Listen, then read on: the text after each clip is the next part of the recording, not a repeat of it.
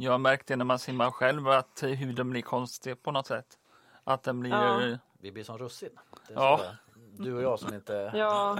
inte är härdade än. Så att säga. Nej, men det, är, ja, men det är verkligen så att man blir härdad. Alltså, om, man, om man gör flera pass så vänjer sig huden efter ett tag. Av någon anledning. Jag vet inte varför. Du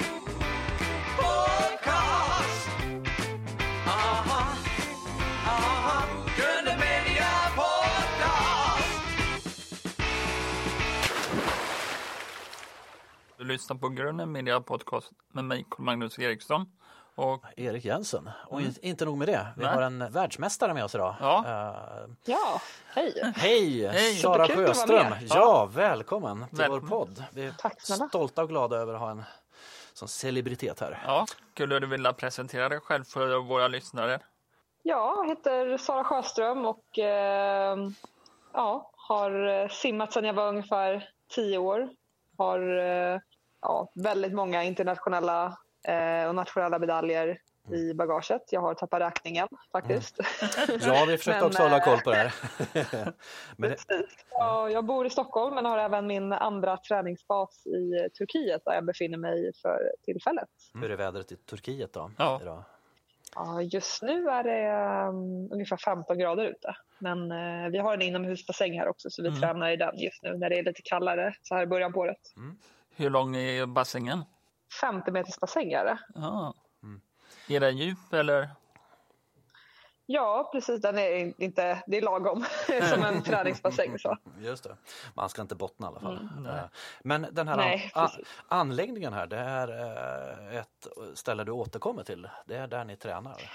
Ja, precis. Jag började, första gången jag åkte hit var faktiskt innan OS eh, 2016. Då var jag här tillsammans med landslaget. Och sen började jag eh, komma tillbaka hit under 2017 för att eh, min internationella simklubb Energy Standard har sin bas här i Turkiet. Så Okej. jag har ju ett helt team runt mig här med tränare och styrketränare och fysios och även andra simmare eh, som är från olika nationaliteter, bland annat Sydafrika och eh, Litauen, Estonia, eh, en turkisk simmare i laget också, engelska simmare och så vidare. Så vi är ett team liksom med, med simmare då, som är från hela världen. Eh, och det är otroligt lyxigt eh, ställe vi är och tränar på. Vi har bassäng och boende och restaurang och eh, allt man kan tänka sig. Bar med, med eh, bästa superbra kaffe och, och så här. Åh. Ja, allting är på liksom en liten yta. Eh, så man kan verkligen träna i lugn och ro utan någon stress i vardagen, vilket är vad jag behöver för att kunna ta ytterligare ett steg i min eh, elitkarriär. Mm. Det låter som man inte behöver lämna anläggningen liksom, utan där har ni det som en Nej, liten man behöver egentligen där. inte det. Ja, Ofta det händer att vi bara hänger här inom området. Eh, jag försöker ta mig ut på en promenad ibland men då är vi fortfarande inom eh, träningscentrets område. Mm. Vi brukar gå på löpbanorna som går eh, det går en kilometer löpslinga runt hela området som vi brukar promenera Mm. på ibland. Eh, så det, man får komma ut lite grann. Ja, är ja verkligen. bara- Se, se, Turkiet är ju rätt vackert i övrigt också. Så det är synd Men att... det är skönt när, när, vi är här, när vi är här i maj, eller april, maj och så. Under sommaren så tränar vi utomhus då, vilket är så skönt. För då får man ju en fin solbränna också samtidigt som man Ja, ja, ja tränar. visst. Så det är, Och nästa stopp är ju Milano. Eh, hur laddar du inför tävlingarna? Så Milano är bara en eh, träningstävling för mig. Okej. Eh, jag blev, blev inbjuden i sista minut av arrangörerna. Och jag är ändå i Italien på träningsläger då, så då passade jag på att då kan jag lika gärna åka till Italien och, och köra ett tävlingslopp där och hälsa på alla fans. För Italien är ju en riktig sån simnation? nation som Ja. Mm. älskar simning. Så att det är otroligt kul alltid att komma till Italien och tävla Ja, och ja, träffa alla fansen och så. Mm. Eh, en stor del av mina, min följarskara på sociala medier är ju så, italienare och, Mm. och så. Så att, eh, det är klart man ska komma dit och träffa dem också. Hur är det med italienskan? Jag har faktiskt börjat träna italienska igår, eller förrgår eller något sånt. Jag tänkte att jag skulle gärna vilja lära mig ett tredje språk. Och jag, har, jag pluggade spanska när jag gick i högstadiet. Mhm, Men mm, eh, mm. tänkte att italienska nog passar mig lite bättre. Mm. Så jag, jag tränar lite grann med min styrketränare som är, som är italienare. Så Ja, han försöker lära mig Ja. någon, någon, någon mening varje, varje styrkepass och, och så. så att, eh, och det, är- det är kul när man är här i Turkiet och tränar för då har man mycket tid också. Ja, Och. Mm. eh, plugga min italienska. Jag tänker ditt mål måste vara att kunna tala flytande. Ja, exakt. Hur många språk kan du? Ja, Jag kan bara engelska och Mm. svenska. Mm. Men eh, ja, det hade varit kul om man kan lära sig ett tredje kanske. Men hur ser schemat ut för resten av våren och sommaren?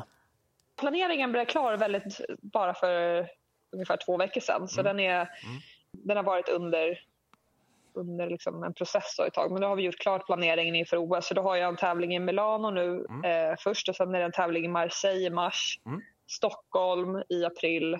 Sen är det EM i Budapest i maj och sen är det tre stycken tävlingar i Frankrike, Monaco och eh, Rom under juni och sen är det OS i Tokyo i slutet på juli. Så det går fort nu. Verkligen fullt upp där. Eh, Hinner du varva ner mellan de här så att det blir allt inte löper rätt i ett utan du får återhämtning också liksom? Eller är det Nej, men det är, fullt ös? Så Liksom? nu Mm. först, första delen av säsongen är det bara en tävling i månaden. Mm. Så det är inte så farligt. Alltså under mars, april och maj då är det liksom en tävling bara så det är inte så jobbigt. OS är väl det stora här i år då? Precis. Mm. OS i Tokyo är stora målet under Ja. eh, 2020 och det blir mitt fjärde OS Mm.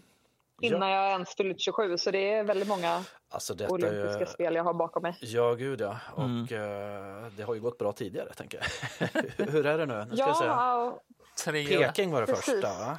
Peking, London och Rio som blev, eh, Mm. ja, det blev det tredje gången gilt. Det var då jag tog alla, eh, det var då jag äntligen lyckades ta medalj också. Men jag var ju så himla ung på mitt första OS och sen eh, Ja. var jag fortfarande väldigt, väldigt ung på mitt andra. Jag var ju Ja. bara 18 när jag var på mitt andra OS så det var ju fortfarande liksom eh, mycket att lära. Men Ja. jag lyckades ta en fjärde plats där och sen var jag redo för att eh, ta medalj när jag väl kom till Rio. Mm. Eh, då hade jag gjort allt jobb som krävs för att faktiskt vara med och tävla om OS-medaljer. Mm. Mm. Ehm, och eh, ja, nu inför OS i Tokyo då är det första gången jag kommer med eh, medaljer i bagaget redan. Jag har ju inte haft den erfarenheten på ett OS förut. Att komma till ett OS med, med eh, otroligt många internationella medaljer redan bakom mig. Mm, ja, det är skön medvind där på så sätt. Liksom. Men känner man också så här, ah, de här medaljerna har jag tagit. Ehm, hur triggar man sig själv att liksom komma vidare?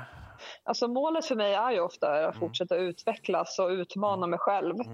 Mm. Eh, och nu blir det en utmaning att komma till OS som, eh, redan, när jag redan har OS-medaljer i bagaget. Så Mm. jag, eh, förhopp- och förhoppningarna är ju att det ska vara bättre än någonsin när jag väl är på Mm. OS i Tokyo. Mm.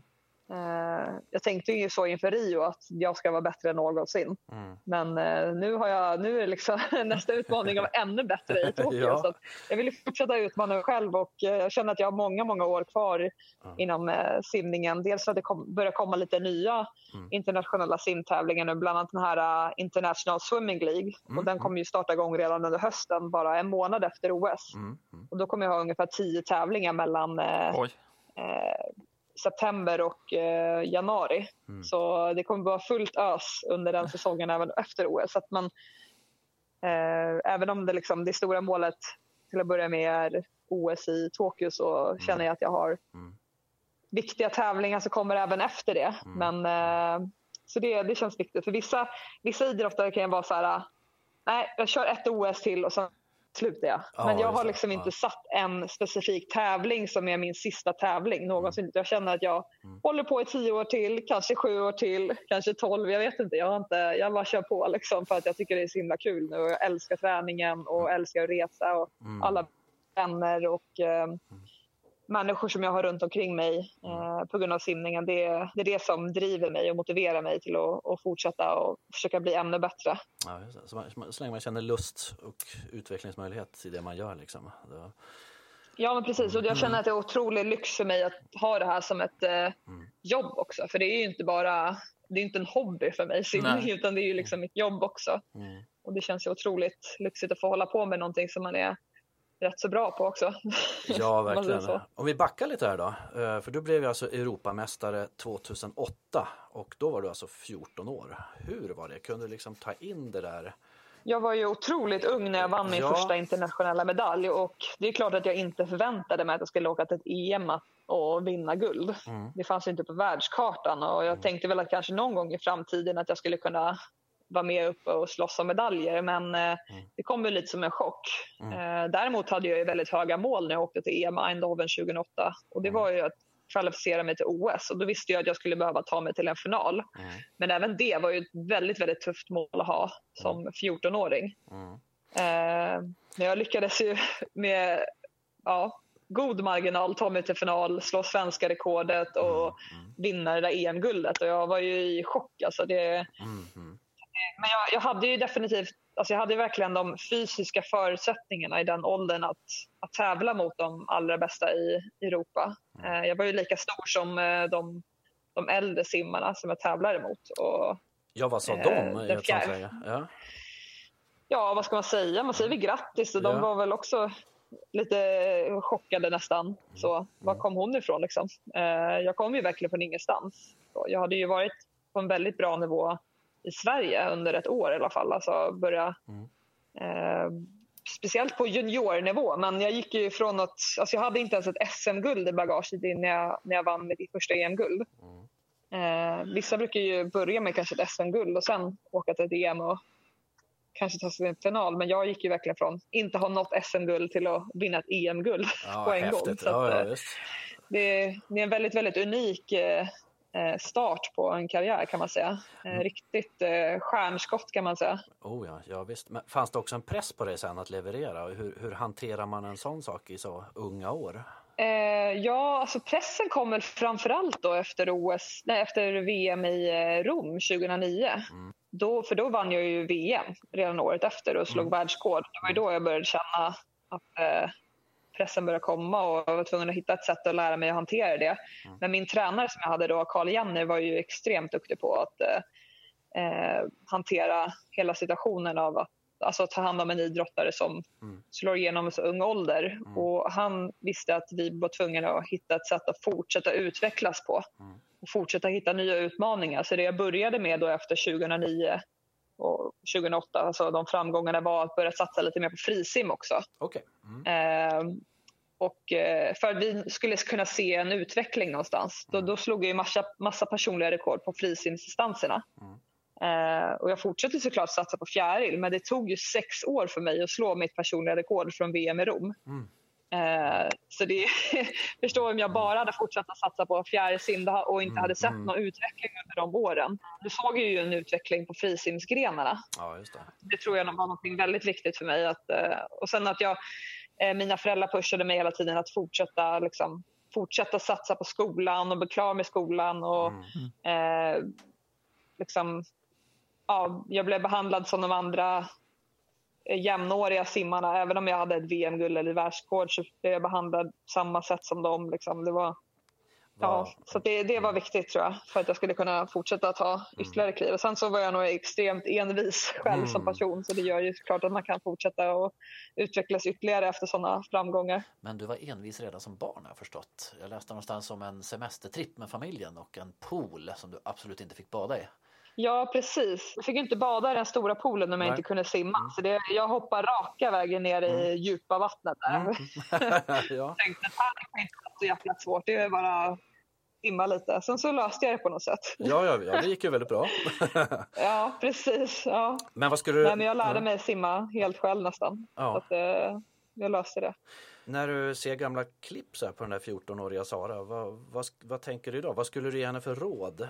Nej, men jag skulle nog inte ge henne så mycket råd. Jag skulle nog bara be henne fortsätta som hon gör. Och, och, eh, och jag tror att alltså jag gick igenom eh, vissa jag hade tonårsproblem som vilka, vilken tonåring som helst. Alltså, mitt självförtroende var inte jättebra liksom, och, och sådär alltid. Utan jag, jag kämpade ju på. Och, och, eh, men jag försökte hela tiden hitta nya utmaningar i simningen och, mm. och eh, ja, bara pusha mig själv där. För jag visste att det, det var viktigt för mig för att fortsätta utvecklas både som simmare och person. Att det, det är viktigt att ha någonting där man en, alltså en tuff utmaning. Det tror jag är viktigt hela mm, tiden för att man ska mm. kunna utvecklas. Har du alltid velat hålla på med simning?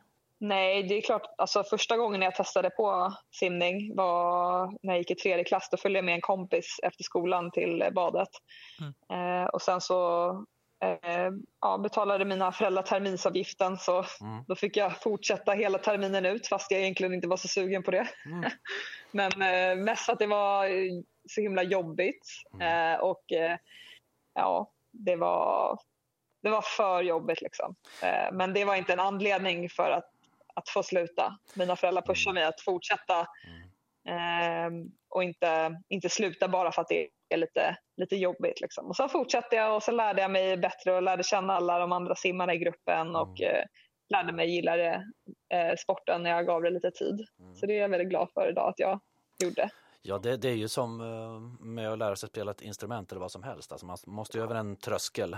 Precis, det, för det, var ju, det, det, det är klart att det hade varit tråkigt om jag hade slutat bara för att jag mm. tyckte det var tråkigt efter två simlektioner. Liksom. Mm. Det, det är tyvärr allt för många som gör idag. De testar på en ny sport. Nej, det var tråkigt och så vill man inte mer. Mm. Uh, men uh, mina föräldrar pushade på mig att mm. fortsätta mm. ändå. Uh, har dina föräldrar också simmat?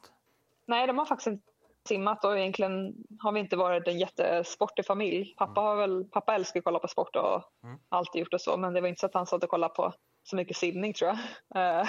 mm. Men ja, så det, det, blev egentligen en slump att det blev just simningen. Mm. mm. Just för att jag började i samma klass som en tjej som simmade och då följde jag med henne. Så det, mm. men de flesta andra simmarna jag pratar med de har ju börjat simma för att deras syskon simmar eller deras föräldrar simmar eller någon släkting eller så. Men jag har ju bara börjat för att en, en klasskompis simmade. Mm. Hur många simdräkter har du? Jag har inte en aning faktiskt. Men jag brukar faktiskt, eh, jag brukar faktiskt skänka bort mina simdräkter till eh, de simmarna i min svenska simklubb när okay. jag har använt klart dem. Jag, får ju, jag har ju en sponsor som ger mig dräkter varje år. Då får man ju mm. ofta mm. nya dräkter inför varje mästerskap. Mm. Så då brukar jag sponsra min klubb. Eh, för de är ganska dyra de tävlingsdräkterna framför mm. allt. Så då, mm. Mm.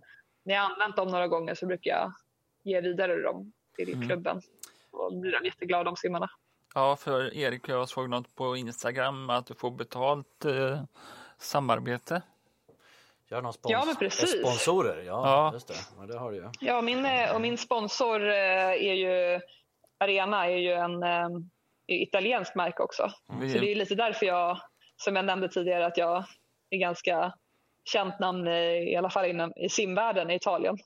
Så jag tror det har lite att göra med att jag, mm. jag jobbat med Arena sedan jag egentligen slog igenom då 2009, första mm. gången, eller på VM då. Mm. Vi, vi såg något klipp där du simmar med någon burk på huvudet. Ja, just det. Ja, ja det, var ju, det var ett samarbete. Ja. ja, det är samarbete med Vitamin Well, så det är också en av mina sponsorer som stöttar mig på min resa. Mm. Var det svårt att simma med burken? Det såg lätt ut. Ja, eh, ja det var ja. ganska svårt. Det var ganska svårt ja. faktiskt. Det, det här är, en, det är faktiskt en klassisk eh, teknikövning som många ryggsimmare brukar göra för att eh, lära sig att hålla huvudet stilla när man simmar. Ah, men jag var inte lika bra på den. Men, ah, ah. Ja. För en som jag som är lite kanske lite oinsatt sådär. Men man, man har en specialitet liksom. Det, du, det var fjäril länge som var din eh, specialitet i början. Då. Och så frisim. Ja, mm. Precis, fjärrsim kommer väldigt naturligt för mig. Mm. Eh, och sen så, så det var ju mycket fjärrsim och ryggsim mm. i början. Mm. Eh, OS i Peking 2008 simmade jag 100 fjäril, 100 ryggsim. Mm till exempel. Och sen eh, efter VM 2009 så började jag simma mer eh, fjäril och frisim. Mm. Eh, och då är det ju 50-100 meter fjärilsim, 50-100 och 200 meter frisim. Okay. Eh, så det var ju det är de, så på VM i, i Guangzhou nu senast eh, under 2019 så, så vann jag ju fem medaljer på ah, fem olika grenar, vilket är första gången en kvinna någonsin har Häftigt, alltså. vunnit på ah. så många olika grenar. Ah. Eh, för det är ganska stor skillnad mellan, på träningen egentligen för många. Mm. För till exempel 200 meter frisim och 50 meter fjärilsim. Mm. Men jag lyckas vara på podiet på, på båda de grenarna. Ja, det är stort. Så det är, det är riktigt stort och ja, kul. Och även, även träningen mellan 50 fritt och 200 fritt till exempel. Mm. är väldigt stor skillnad. Vilket är det svåraste simningen i bassängen? Simsättet? Ja. Mm.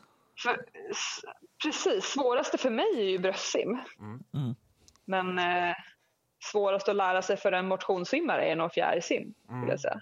Det, den allra jobbigaste grenen eh, skulle nog vara typ kanske 400 meter medley och då är det 100 meter av varje simsätt. Det är en sån gren som många simmare mm. inte gärna ställer på. Och 200 meter fjärilsim är lite för långt för mig. Den, den är riktigt tuff.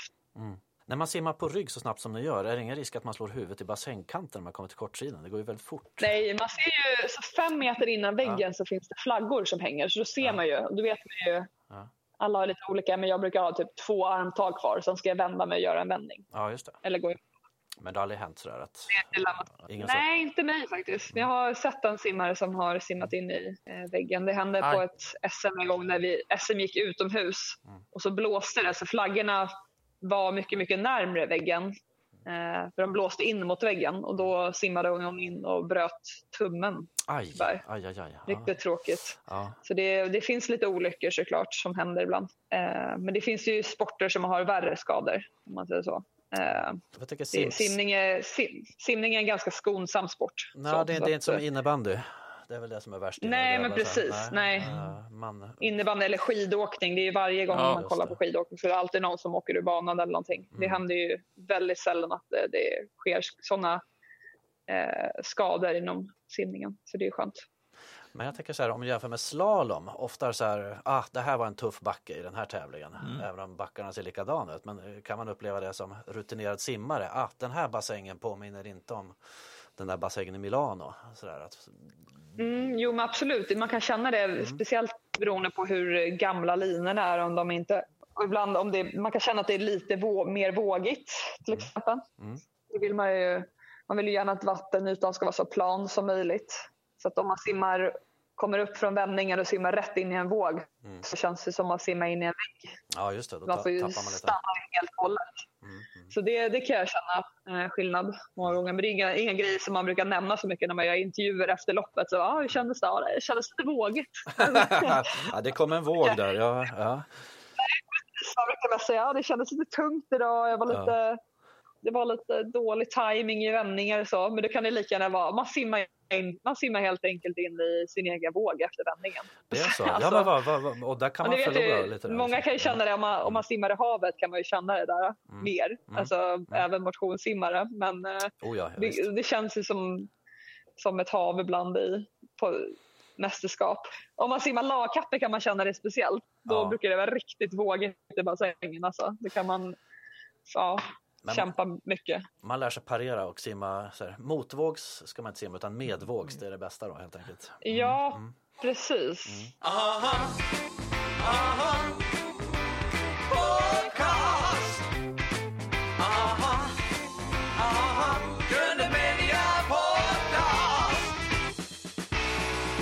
Eh, vi har ju sett att du har så många medaljer. Eh, vad har du dem eh, stående? De är lite utspridda. Eh, jag gillar egentligen inte att ha mina medaljer framme hemma. Utan, mm. Så att om man kommer hem till, eh, till mig så ser man inte så många priser. Jag har eh, lagt fram några, några så här, mm. eh, priser, typ årets bästa idrottare i Europa och eh, bästa idrottare i Haninge kommun. De, mm. ah. de priserna står bredvid varandra. Bara för att jag gillar, jag gillar när det är lite, lite kontraster. Liksom. Det känns det. Haninge, Haningepriset känns som det måste ha kommit lite innan de här OS-medaljerna. Ja, ja. båda, båda de är i guld också så det är ja. bästa och sen bästa idrottare i Haninge kommun. Och det är samma år och så här, ja, det är lite kul. De priserna står framme och sen är det lite, men de flesta priser typ från Idrottsgalan och sådär finns hemma hos mina föräldrar. Mm. Ja. Och medaljer ligger i en jag har faktiskt en speciell, specialbyggd låda för, för mm. medaljerna hemma. Oh. Så det är lite häftigt. Mm. Mm. Men det är ingen medalj som ni ser på en gång när det kommer in i lägenheten utan den, den är gömd. Hur var det att vinna Jerringspriset och eh, hur var Carl Philip som eh, person? Ja, det var helt otroligt att vinna Jerringpriset. Det är en stor ära att få ta emot ett sånt pris från eh, svenska folket. Och sen att jag fick ta emot det två år i rad var ju riktigt eh, häftigt. Väl och Carl Philip är supertrevlig. Han är trevlig, ja. Just det. ja. ja. Det är prins Carl Philip vi talar om ja. här, ska vi säga. Precis. Mm. Är du nervös när du ja. går in på arenan inför en tävling? Då? Hur, har du någon ritual? Det är klart, jag är jätte, ja. supernervös. Ja. Uh, speciellt när det är finaler. När det är en OS-final eller VM-final och så. När det är, Då känns det som att det är mycket som står på spel. Men uh, är, man får egentligen bara följa sina rutiner. Man, om man har tävlat många gånger tidigare så vet man vad, vad man behöver göra. Så det är bara att man följer sitt schema med mm. eh, den här tiden ska jag ta på mig tävlingsdräkten, den här tiden ska jag gå och eh, värma upp och du vet, att man följer alla rutinerna. Liksom, då, mm. då gör ingenting. Jag, jag har simmat otroligt bra när jag har varit så nervös att jag står och skakar på startpallen. Jag har, Oj, alltså. Oj. Ja. Eh, Ja, men så ja. man försöker bara komma ihåg de gångerna. Mm. Just det, men jag gjorde det här loppet mm. Mm. förra året och jag var så här nervös eh, så gick det jättebra ändå. Ja. Det är väldigt, väldigt sällan det går dåligt för att man är nervös. Det, mm. det har hänt någon gång, men jag tror inte det är för att man är nervös utan det är mest för att man är mm. inte tillräckligt förberedd mm. eh, mentalt och fysiskt snarare än att man är nervös. Det har ingenting med prestationen att göra.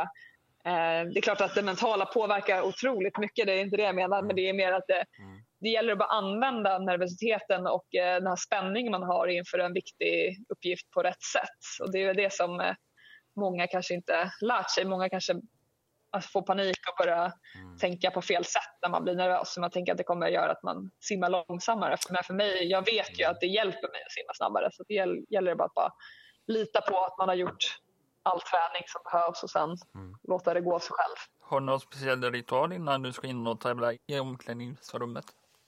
Eh, nej men det är, gud, det är så svårt att beskriva. Ja. men eh, vad gör man?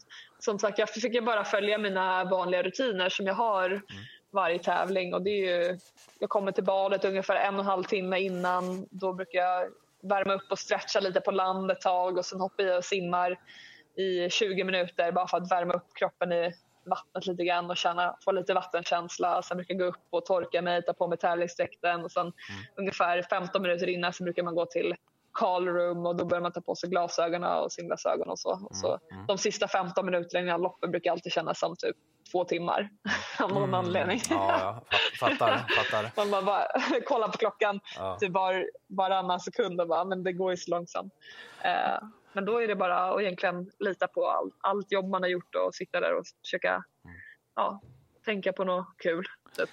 Jag på, efter ett lopp då, efter en tävling, vad, vad gör du? Kan, kan, du varva ner? Liksom, och hur, kan du det brukar vara svårt för mig att varva ner mm. efter lopp, speciellt när tävlingarna är väldigt sent på kvällen. Mm. Eh, det händer ju att till exempel på OS i Rio så var ju finalerna mitt i natten så då kom man ju tillbaka till OS-byn klockan två på natten ungefär. Mm. Så då sov man ju inte många timmar på nätterna. Nej, eh, Nej det förstår jag. Mm. men, eh, eh, men man försöker att och, eh, varva ner så fort man kommer i mål. Men det brukar vara svårt för att man ska så här, stressa till eh, eh till exempel dopingkontroller och man ska mm. hin, hinna göra två miljarder intervjuer. Liksom, och det, mm.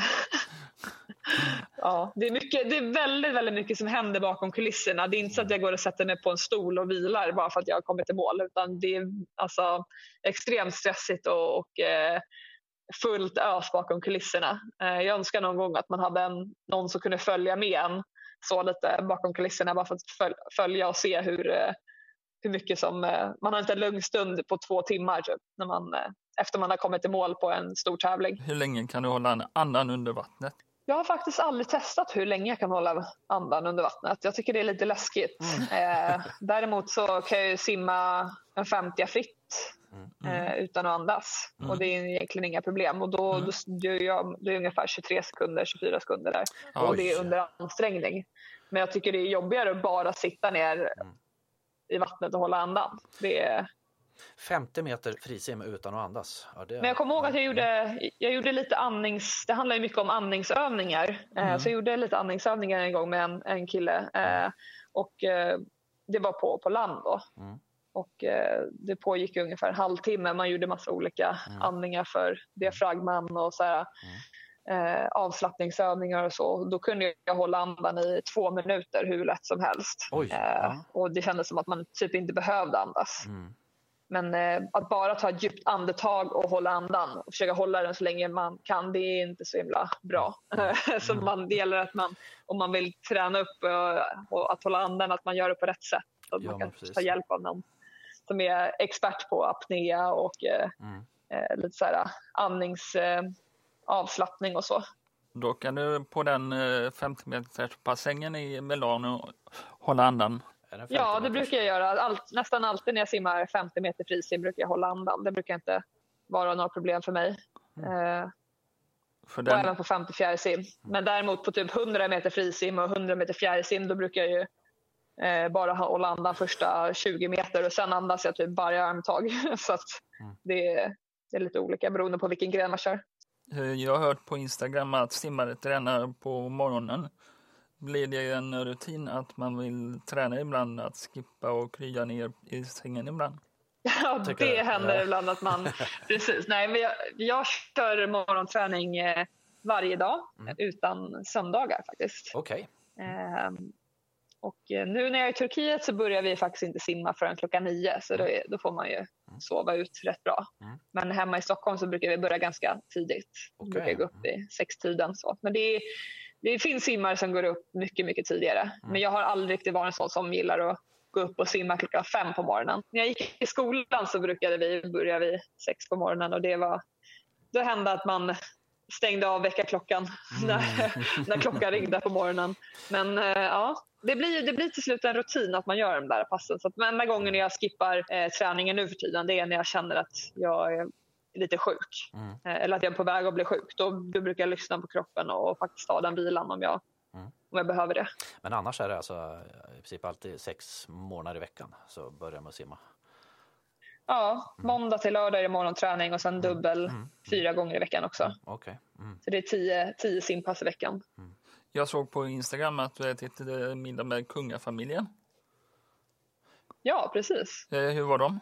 Ja, de är ju supertrevliga. Alltid, det är alltid kul att, att få bli bjuden på middag på slottet. Det är lite också det där med kontraster. Det blir riktigt kul när man kommer direkt från en träningspass och sen ska man sminka sig och och fixa sig för att gå på middag på slottet med kungafamiljen. Så det är Ja. väldigt elegant. Vad åt ni för något? Eh, det, det kommer jag inte ihåg. Det brukar ju vara såna här äh, små rätter som har Ah. två miljoner olika ingredienser. i ett. Men eh, ja, Det känns som vä De, eh, väl, vällagat. riktigt fin mat. Ja. Vi hörde någonstans att Måns Zelmerlöw har skrivit en hyllningslåt till dig. Stämmer det? precis, det stämmer. Det här vill vi höra om. Det såg vi på Youtube. Ja. Ja, precis. Så jag och eh, Måns Zelmerlöw hade ju en gemensam sponsor Ja. förut. Eh, och eh, då var det en eh, musikvideo där jag simmade och eh, Måns sjöng. Så Just det, ja, ja, det var- riktigt, ja. riktigt häftigt. Mm. Så den låten lyssnade jag jättemycket på inför, eh, inför VM i Budapest som förmodligen var mitt bästa mästerskap någonsin. Åh, vad kul. Ja. Det var den låten på lurarna hela tiden. Mm. Ja, bra Vi gjorde någon tävling också med han eh, på, ni simmar i bassängen, såg jag. Så har du klipp där. Ja, Det var eh, så, vet du jag fick en utmaning då av eh, min sponsor Betsson och det var ju att eh, försöka ta 17 simmarken på 17 minuter. Mm. Jag hade ju inte tagit de här baddaren och de här grejerna. Det tyckte de egentligen att jag borde göra med tanke på att jag har OS-guld och allting. Eh, så då, då var Måns var ju min eh, livvakt kan man säga. Ja, just det. när gjorde den här. Det är viktigt att man har viktigt med säkerhet kring bassängen. Så Måns Zelmerlöw fick vara min livvakt medan jag kämpade mig genom alla de här. Jag klarade det precis, alla de här 17 simmärkena på 17 minuter. Så det, var, det, är väldigt, det finns ett jätteroligt Youtube-klipp på det. Man kan bara det. söka Sara Sjöström 17 simmärken. det var jätteroligt. Var det. Så jag tänker, nu har du även Ja, ba- det är ba- kul. baddaren och silvergrodan och guldgrodan, allt vad de heter. Där. Jag har dem allihopa, precis. Det är de som jag är mest stolt över. Det är de viktigaste tycker jag. Det är, man måste börja där egentligen kanske, men jag börjar lite fel håll allting. Ja, Fel ordning. viktiga har de, Ja. tycker jag. Har du funderat på fridykning som i filmen Det stora blå? Delfindykning? Fridykning? Fridykning?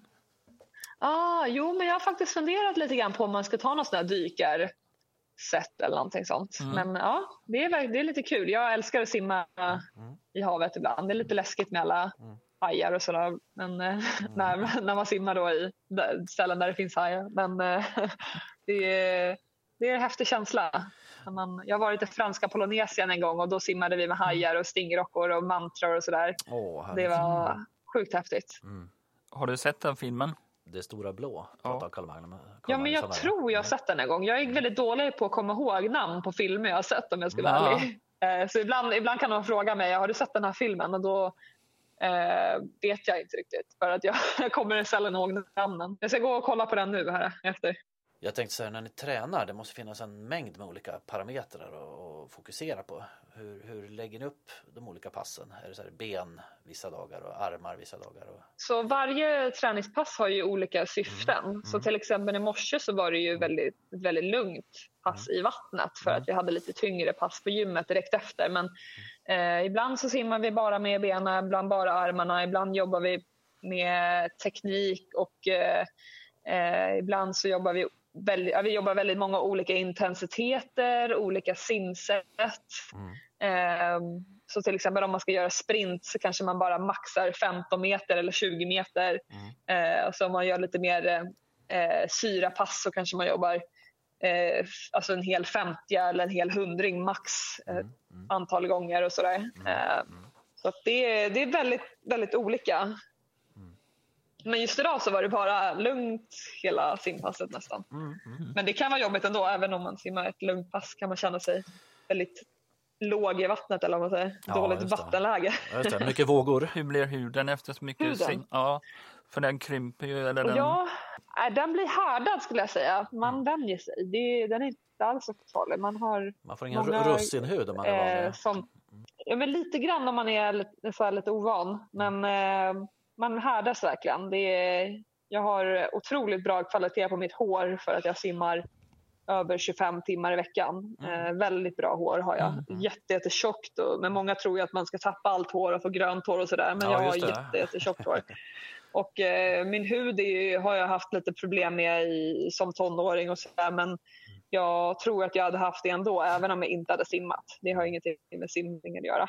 Det är mer hormonellt skulle jag gissa. Och det är inte saltvatten vi simmar i, det brukar ju vara lite annat. Ja, Nej, jag tror saltvatten är ännu- ännu värre. Men det gäller ju, alltså det, man måste ju använda liksom hudkräm och sånt där bara för att man blir eh, lite torr ibland. ja, jag har märkt det när man simmar. Speciellt, speciellt när man tränar i, när man är ute i solen och så. Det är väl det som är det värsta skulle jag gissa.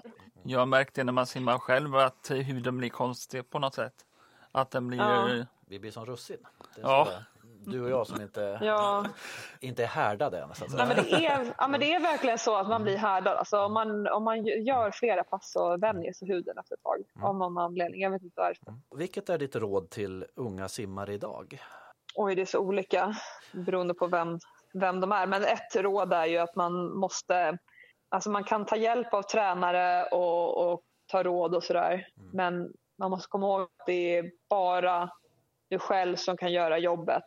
Och det är bara du i slutändan som är den som, eh, som vet vad du ska göra. Och eh, ja, Det gäller att skriva ner vad man har för mål och vad man eh, vill uppnå. Och komma ihåg hela tiden att det är du, det är du som gör jobbet och ingen annan. Liksom. Eh, din tränare kan bara hjälpa dig att ta tider och ja, jag vet inte vad mer de kan hjälpa. Men hjälpa dig med teknikråd och sådär. Men det är ett råd inte bara, inte bara till simmare utan till alla, alla ungdomar. Alltså, som satsar på någonting i skolan eller någon annan idrott eller så.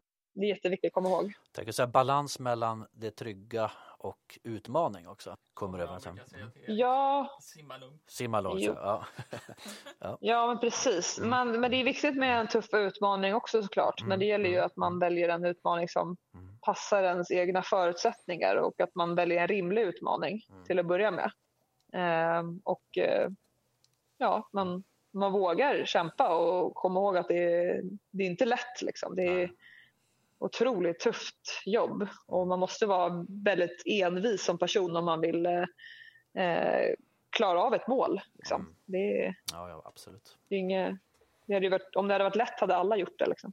Nu när du reser så mycket, vad tycker du om coronaviruset? Ja, som- det, ja, det är lite läskigt. Ja. Men eh, det finns ju andra influenser och virus som, värre. alltså det finns, som sprider sig. ja, också. ja, det är sant. Eh, som, eh, Pratas det, i Det Pratas det i simvärlden om, om eh, hur det kommer att påverka? Har ni någon så plan B? ja, men lite sådär mest för att det var faktiskt bara några dagar efter att eh, coronaviruset började, när det började pratas om coronaviruset på nyheterna så hade det varit en simtävling i Kina. Mm, ja, Eh, både det. i Peking Mm, och i på någon annan ställe, jag kommer inte ihåg. Eh, och så bara, jag, jag tackade ju nej till de två simtävlingarna. Det var sån här Champions Mm. Serie eller någonting som eh, bara de bästa simmarna blir inbjudna på. Men jag blev- tackade ju nej till dem. Mm. Och sen kom ju ut nyheten om coronaviruset bara några dagar senare. Så då var man ju lite glad att man aldrig åkte på de tävlingarna Ja. efter det Mm, ja, viruset. ja, ja. Så skulle du till Tokyo också va? Det är Tokyo-OS. Eh, precis. Det är OS här då. Tokyo-OS. När blir Ja. det? Juli blir det va? Precis, slutet på juli börjar det. Mm. Äntligen. Hur känns formen då inför OS? Ja, den känns faktiskt otroligt bra. Jag, jag tränade väldigt, väldigt hårt under både 2018 och 2019 och egentligen alltså jag har haft en otroligt bra kontinuitet i, i träningen, vilket är viktigt. Och nu, nu börjar jag äntligen känna att kroppen börjar svara lite grann på all den träningen jag har gjort. Mm. Eh, Så det är, på träningen är jag starkare och, och bättre än någonsin. Både på, på fart och kondition och eh, styrka.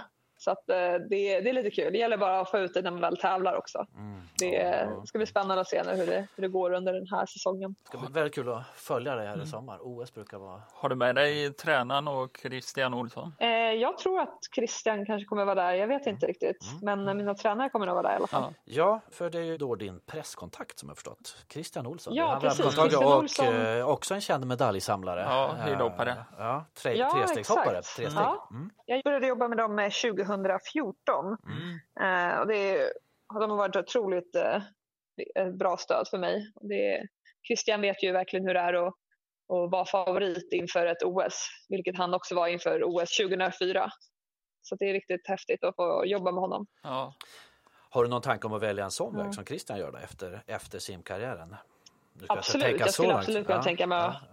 Jo, men jag skulle kunna tänka mig att jobba som sportagent eh, efter karriären. Det, det känns som ett jobb som skulle kunna passa mig. Mm. Blir säkert en sportagent slash eh, lite tv-jobb ibland och ibland lite event.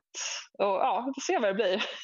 jag brukar ta en sak i taget. Det börjar med simkarriären så får vi se var, vi, var man hamnar sen. Ja, Roligt. herregud. Ja, där har du mycket kvar känns det Det låter som. jätteroligt. Men det var en följdfråga vi hade där. Vad gör om 30 år? Ja, Men det kanske ja, är det då? det vet man aldrig. Jag, jag brukar... Eh, jag vet inte. Vad gör man om 30 år? Mm. Ehm, simma lugnt. ta det lugnt. Ta det lugnt. Ja, precis. Simmar eh, Kom, Jag kan ju, mot vågorna. garantera, kan ju garantera att jag inte, jag ska, kan ju garantera 100 procent att jag inte simmar på den nivån jag gör nu. Så det är inte ens om 20 år, det är, det är för långt. Men eh, ja, man vet aldrig vad man gör om 30 år. Vi får se. Det känns som att det kommer mycket spännande att titta tillbaks på där och spännande att se, säkert se Ja. fram emot också. Så. Ja. Eh, vi, vi börjar närma oss slutet på den här intervjun Sara. Vi ska Ja, det gick se, fort. vi kny- ja, det, gick, det var verkligen som ett 50 meters lopp här utan, utan andning nästan. Vi har också fem snabba här då Sara. Fem snabba. Turkiet eller Milano? Gud, jag älskar Italien, jag måste säga Milano. Fjärilsim eller frisim? Fjärilsim. Instagram eller Facebook? Instagram. Sjö eller simbassäng? Simbassäng. Klättring eller simning? Simning. Vi har hört att du klättrar också. Ja. Ja, men jag har inte gjort det på Nej. länge faktiskt. Det är mest för att eh, skaderisken är rätt hög. Jag har Ja, hört om folk som har fått problem med skador i händer och fingrar och så här. Och även när man hoppar ner. Jag kör ju mycket som bouldering, Mhm, alltså mm, utan, eh, utan säkring. Eh, Ja. Så man klättrar upp några meter och så hoppar man ner på matta och då kan det hända att man skadar sig. Så jag känner att jag ska inte riskera det nu. Mm. Så att, men det kommer säkert vara en sport som jag kommer hålla på mycket med sen när jag Mm. börjar bli klar med simningen. Ja. Kaffe eller te? Ja. Kaffe.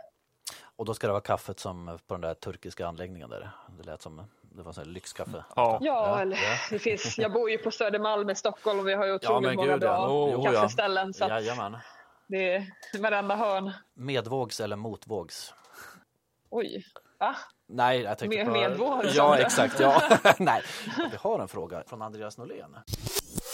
Ja, då ska jag konsultera min fru som är väldigt idrottsintresserad. Mm. Ett ögonblick bara. Ja, Ingen fara.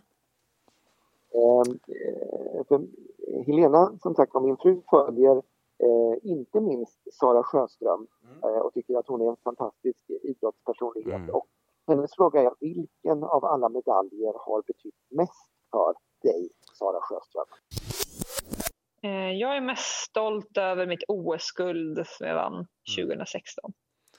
Det tror jag det. Det Ja. var en fantastisk insats. Om du skulle ställa en följdfråga till Måns Zelmerlöw, vad skulle du vilja fråga honom?